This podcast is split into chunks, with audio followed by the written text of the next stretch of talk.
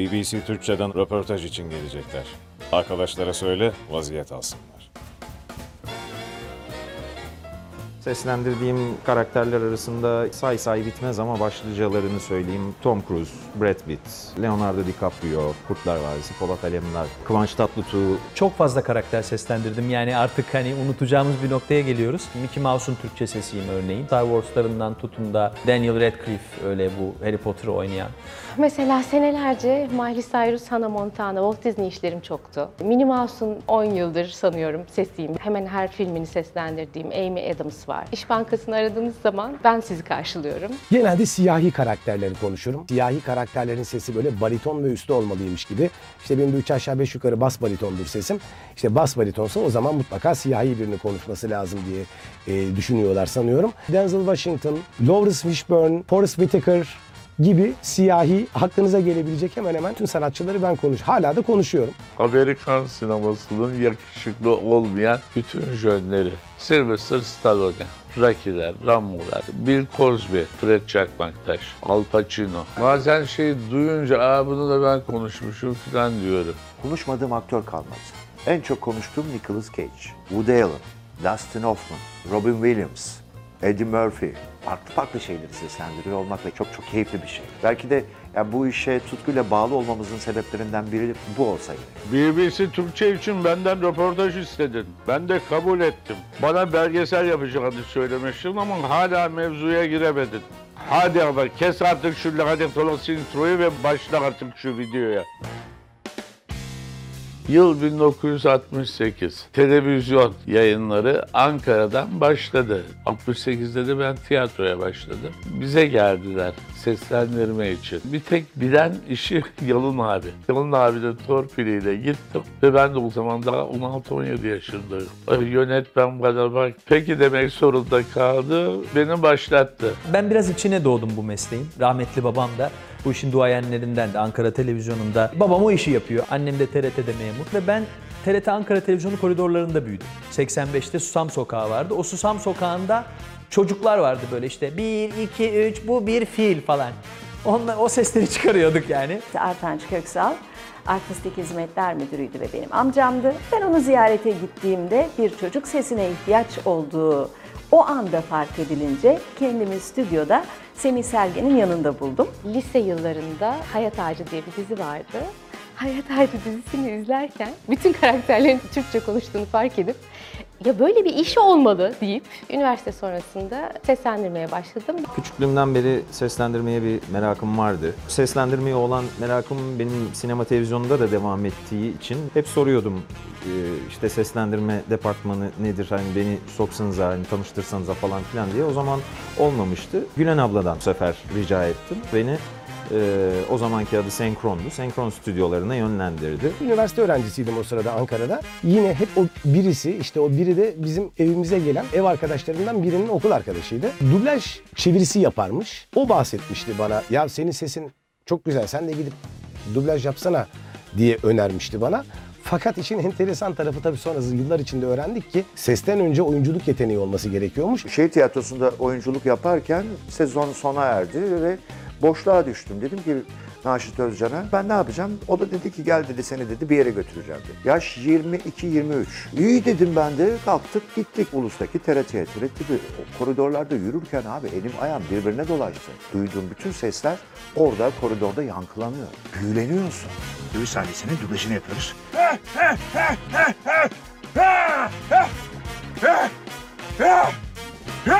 İşte böyle yapılıyor. Bugün 31 Ocak 1968.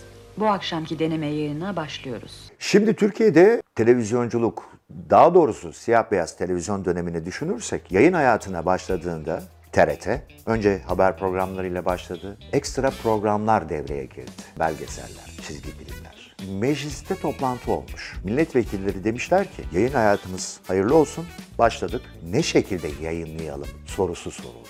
Bir kısmı dedi ki altyazıyı yayınlayalım. Bir kısmı dedi ki yok dedi olmaz öyle bir şey dedi. Bizim dedi halkımız okuma yazma oranı çok yüksek değil dedi. Hem dedi yaşlı insanlarımız var dedi. Biz bunu kendi dilimizde yapalım dedi. Ya soru önergesi sunulmuş mecliste ve dublajda olmasına karar verilmiş. Dolayısıyla Ankara'da da diyorlar ki bu ilk defa yapılan bir iş ve Yeşilçamcılar değil onlar İstanbul'da. Yani Yeşilçam ekolü dediğimiz yerli film ekolü. Yani o bildiğimiz işte Nair, Nolamazlar, Rica ederim bu bahsi kapatalım şeklinde duyduğumuz o sesler Yeşilçam dublajı dediğimiz şey. O bambaşkaydı aslında. O yüzden İstanbul ve Ankara diye iki farklı endüstrisi oldu bu işin. Tek kanallı olduğu yıllarda duyduğun seslerle Yeşilçam sesleri aynı değildir. E biz kime dublaj yaptıracağız? Aslında böyle bir sorunsal var. O zaman işte Ankara Devlet Tiyatrosu'nun ilk kaynak haline gelmeye başlıyor. Sezai Aydın'ın anlattığı kadarıyla biliyorum seslendirin. Ama onlar da bilmiyorlar ne yapacaklar. Dizinin başrollerindeki iki kişinin dışında biz iki kişi vardık bütün karakterleri konuşmak üzere erkekleri. TRT'nin ilk dizi- dizisi. Yayınlandı haftada üç gün. Ama ben hiç seyredemedim çünkü evde televizyon yoktu. Ne yaptığımızı da bilmedik, görmedik. Dublajın ne olduğunu da bilmiyoruz. Yönetmen işte o öğrenmiş demişler ki ona konuşurken konuşun, sustuğu zaman susun. Bir bilgi yok. Biz de onun üzerinden gittik. Ne yaptık hiç bilmiyorum. Sonra demişler ki bu böyle olmuyor. Sayımızı arttıralım. Hani birebir yapalım. Ve tulum kayıt yapılıyor. Bütün sanatçılar birlikte giriyor. Süreç ağır işliyor. Bir filmin dublajı 3 gün sürüyor. bir kişinin hata yapması, en ufak bir nefesin ya da bir sesin girmesi bütün kaydın baştan alınması demek. Gerçekten çok zordu. Ee, çok e, güzel projelere imza atıldı. Ee, seslendirme sanatçılarının filmin arkasındaki caption'da mutlaka isimleri yazardı ve insanlar duydukları sesleri tanırlardı. Seslendirmenin altın yılları aslında onlar. Dedik ki ya iyi bu iş yani TRT işli. Bu işlerde para var demek ki para da kazanacağız. Kazandık da öyle de oldu zaten. Sonrasında iş potansiyeli arttıkça Ankara yetemez olmuş. 80'lerin sonu 90'lar itibariyle bir Ankara'dan İstanbul'a yavaşça bir göç başlamıyor. 2000'lere geldiğimizde zaten neredeyse Ankara'da artık tamamı İstanbul'a göçmüş oluyor. Bu İstanbul-Ankara ayrımı da endüstride kalkıyor. Bugün aslında bu endüstrinin tek bir merkezi kalıyor İstanbul. Çok kanal var. TRT 2 var, 3 var, 4 var, çocuk kanalları var. Ve biz sabah giriyoruz, 10'da başlıyoruz, akşam 6'ya kadar. Almanlar 1990'larda TRT'ye geliyor. Bizim 4 stüdyoda birden böyle günde 5 film orada, 3 dizi orada bilmem ne. Oradan çıkıp oraya gittiğimizi görünce Allah'ım diyor bu ne kadar para kazanıyordur yani bu kadar yoğun iş yapınca. Halbuki o zaman da öyle değil. Sonra sonra tabii özel kanalların açılması, işin fabrikasyona dönmesiyle birlikte işte biz orada endüstrileşmek için standartları o gün koyup koruyamadığımız için her şey elimizin altından yavaş yavaş kaymaya başladı.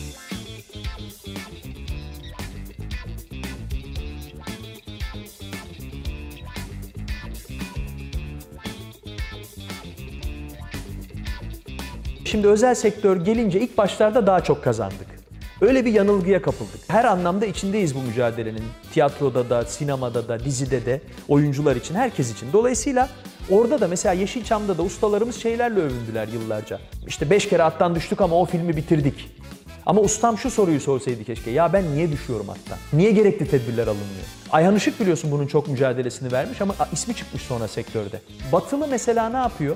Bir sektörde bir e, kazanç olduğunu anladığı zaman hemen meslek örgütünü kuruyor, kuralların adını koyuyor. Neden salak mı? Şirek'te yan karakterlerden birini konuşan bir arkadaşım Almanya'ya turneye gidiyor. Orada aynı dönemde Şirek'in dublajı yapılıyor. Ve aynı rolü konuşan meslektaşıyla bir araya geliyor. Muhabbet bitiyor, meslektaşım kala kalıyor. Çünkü voice aktör Porsche'una binip oradan uzaklaşıyor. Benim meslektaşım elinde akbille Almanya'daki otobüs durağına doğru ilerliyor. Durum bu kadar vahim. İşte biz o iyi paraları ilk kazandığımız dönemde onun sarhoşluğuyla hiçbir kuralı iyice görmezden geldik. Aksine daha da çok kazanacağız zannettik. Stüdyolar oylarla ödünler vermeye başladı kanallara. Seslendirme oyuncuları stüdyolara ödünler vermeye başladı. Nasıl olsa yapıyoruz, ediyoruz. Öyle diye diye diye diye dolayısıyla bu aşağıya doğru gidiş bundan kaynaklandı. Türkiye'deki her şeyin fiyatı artarken fiyatı artmayan bir sektör. Türkiye'deki her şeyin şartları iyileşirken şartları iyileşmeyen bir sektör. Netflix bir dijital platform biliyorsun. Başkaları da gelecek. Ülkelere yatırım yapıyor. Her ülkede önce dizi çekmiyor. Aslında önce dublaj da giriyor. Netflix'te Türkiye'ye gelirken aslında kafasında belli bir yatırım planıyla geliyor. 80 küsür milyon nüfus. Çok büyük pazar baktığında. Almanya kadar büyük pazar bugün. E Almanya'da 300 birim veriyorum diyor. Türkiye'de aslında kafasında 75-100 birime razı buraya geliyor. Ama bizim stüdyolarımız şu düşünceye kapılıyorlar. Böyle avucunu kavuşturuyor hemen. Diyor ki Amerikalılar geliyor. Ben bunu da 3 katı fiyat çeksem. Çünkü 10 birim ya. 30 birim kazanacağını düşünüyor. Ve 30 birim diye teklif veriyor. Halbuki adam 75-100 birime razı gelmiş. Netflix tarifesini dolar üzerinden belirliyor. Netflix piyasaya girdiğinde dolar kuru 3 liraydı. Dolar kaç para oldu? 5.8. Taşeron ne kazanıyor? Dolar kazanıyor. Sanatçı ne kazanıyor? TL kazanıyor. Herhangi bize bir yansıması var mı? Yok. Böylesine zavallı bir sektör. Şaka gibi. Uğraştığımız şey bu. Şey değil. Seslendirme oyuncuları daha çok para kazansın. Ey üst yapımcı, bana zam yap, bana para ver, grev yaparım. Böyle bir şeyin derdiyle değil örgütlenmemizin modeli. Şu, sektörün endüstrisini koruyalım. Çünkü ben bu standartları oluşturup koruyamazsam maalesef buna maruz kalıyorum. O dönemde bir sömürü vardı. İyi para kazandığımızı zannediyorduk. Halbuki 14 saat çalışırdık, sabah girerdik, günde 20 parça, 25 parça iş alırdık, sürümden kazanırdık. Geçmişle mukayese ettiğimizde tüm meslektaşlarımız fakirleştik. Bu işi yapan ustalarımız bir kere artık yani insan ya bunca yılın emeği yani o parayı onurun kırılıyor bir kere zaten. Onlar ne yaptılar? Kendilerini geri çekmeyi tercih ettiler. Sektör onları kazanamadı. Tırnak içinde sigara parasına dublaj yapacak insanlar değillerdi. Olmadılar ve piyasadan uzaklaştılar. E, yeni giren arkadaşlarımız da aslında bu zannetti mesleğin standartlarını. Çeviriler kötüleşti. Çünkü sadece biz az para kazanmıyoruz ki. O zaman ne oluyor? Evet o dublaj kalitesinde bir erozyon var. Şimdi aslına bakarsanız bizim işimizde dışarıdan şöyle görünüyor. Ya ne olacak adam geliyor bir laf edip gidiyor diyorlar. Sadece konuşuyor diyor adam. Yani normal hayatında da konuşuyor. E bunu da konuşuversin diyor. Ve o zaman siz konuşun.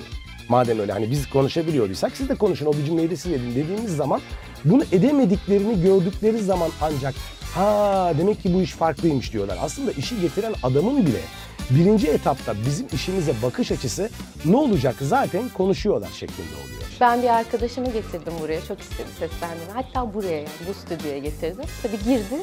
Bir dakika sonra ala al mor mor.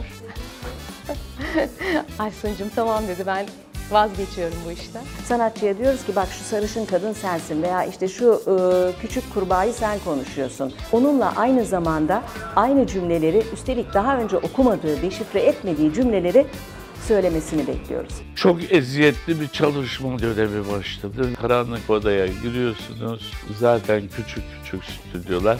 Havasız. Ve toplam bir saat, bir buçuk saatte konuşuyorum, çıkıyorum. Öncesinde ne bir prova, ne bir hazırlık, herhangi bir şey yok. şöyle bir şeyi unuttuk. Hızlı ve e, yüksek miktarda iş yapılabilmesi bir fabrika için evet uygun bir şey olabilir ama sanat kolu için aslında çok da e, hoş durmuyor. Çünkü bu sefer sanat fabrikasyon hale gelmeye başladı.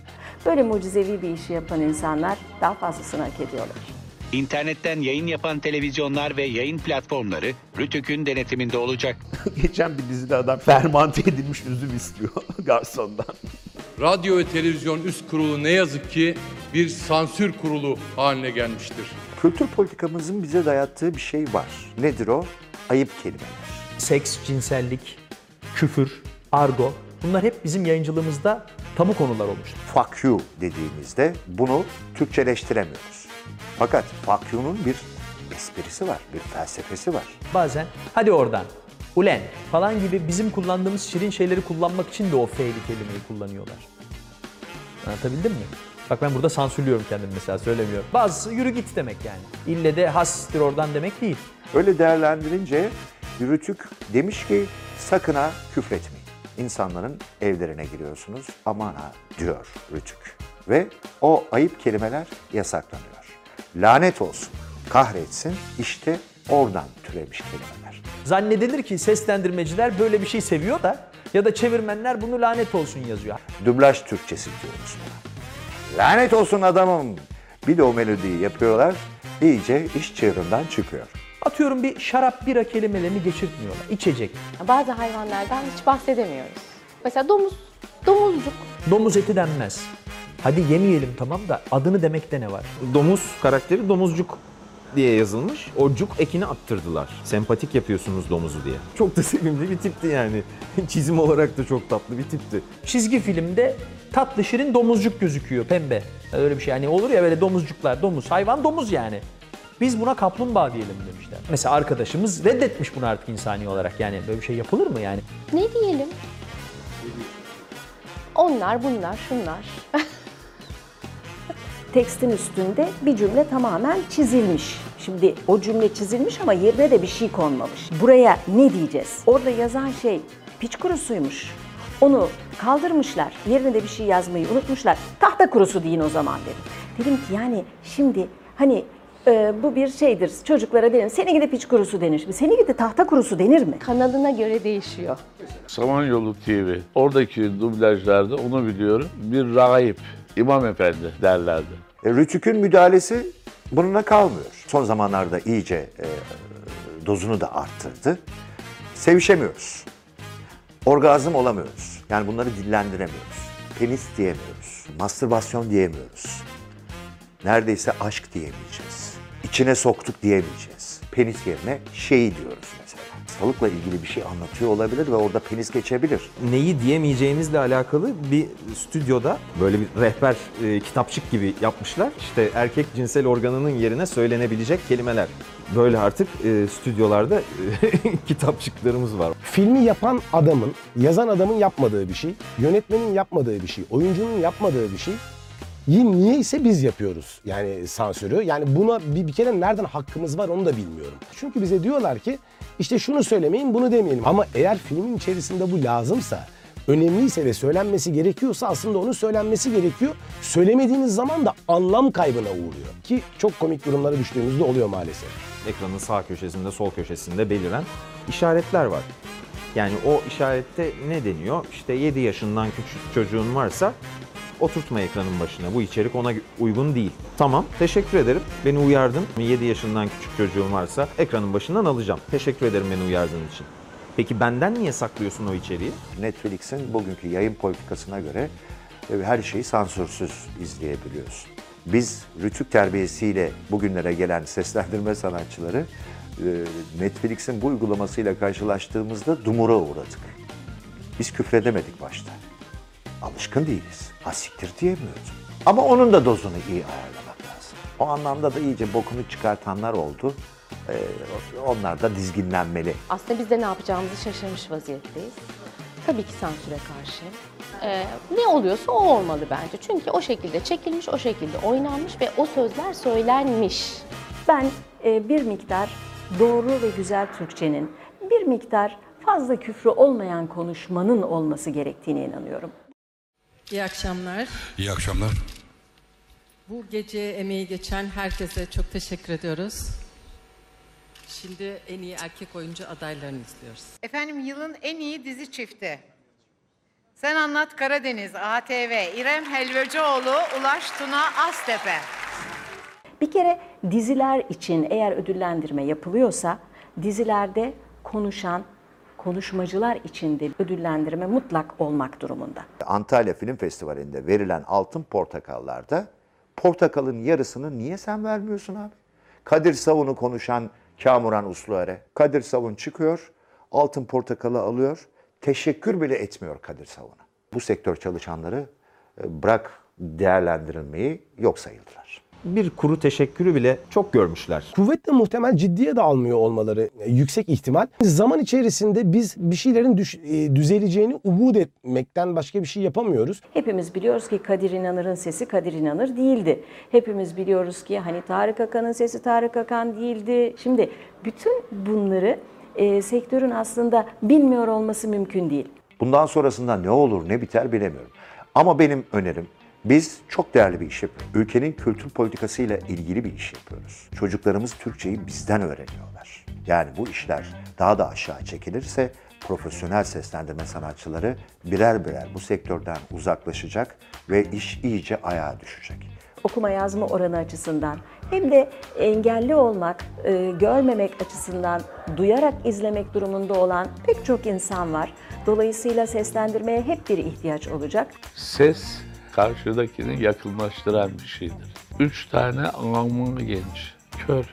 Biz dedi sizi dedi dinliyoruz dedi. Mesela Rakiler falan filan. Orada dedi gözümüzün önünde bir yüz beliriyor dedi. Yüz şekilleniyor. Ama dedi sonra bazen ses değiştiriyorlar dedi. Başkası konuşuyor. O zaman bütün bu görüntü gidiyor yüzünüzden dedi. Bunlara bir çare. Ben de hiç düşünmemiştim. Karşılaşınca düşündüm. Dedim ki ona değil, siz yazacaksınız kanala. Değiştirmeyin diye. Halbuki izleyici tepki verse izlediği seslendirmenin kalitesine, hani biz öyle düşünüyoruz en azından bu işi yapanlar. Belki kanallar daha bir hassasiyet geliştirecek. Seyirci biraz da görmeyi talep etmeli belki de. Bu görmek ne demek? Jenerikte adını görmek. Bir filmin galasında onu da görmek. İşte Buz Devre. Seslendirenleri sayıyorlar, İngilizce seslendirenler sayılıyor programda. Ya kardeşim Türkçe'de de konuştu birileri bunu. Ve çocuk özellikle animasyon izlemeye giden çocuk benim sesimden izliyor. Chris Evans'tan izlemiyor. E Chris Evans'ı söylüyorsun. Sercan Gidişoğlu demiyorsun. Kendi toprağındaki insanın adını söylemiyorsun. Ses çıkarsınlar, tepki göstersinler. İşin sahibi ancak müşteriden gelen tepki olursa o işi düzeltmeye e, yeltenir. Bu nedenle aslında bizim işimizin iyileşmesinin tek e, çıkış yolu bizim sattığımız malı alan kesimin e, karşı bir bildirimde bulunması. Yine sektörde eğer bir şey yapacaksak bizim birlik olmak gibi bir mecburiyetimiz var. Galiba en zor başardığımız şey de birlik olmak. Umut. Durun. Dur yeni başlamış. Ne haber? Hoş geldin. Arkadaş sana mesaj atmış. Görmedin mi? Siz mi? Evet. Ben bugünün sonunda dönecektim size. Hala mesajınız açılmamış bir şekilde duruyor. Ee, Kusura bakmayın.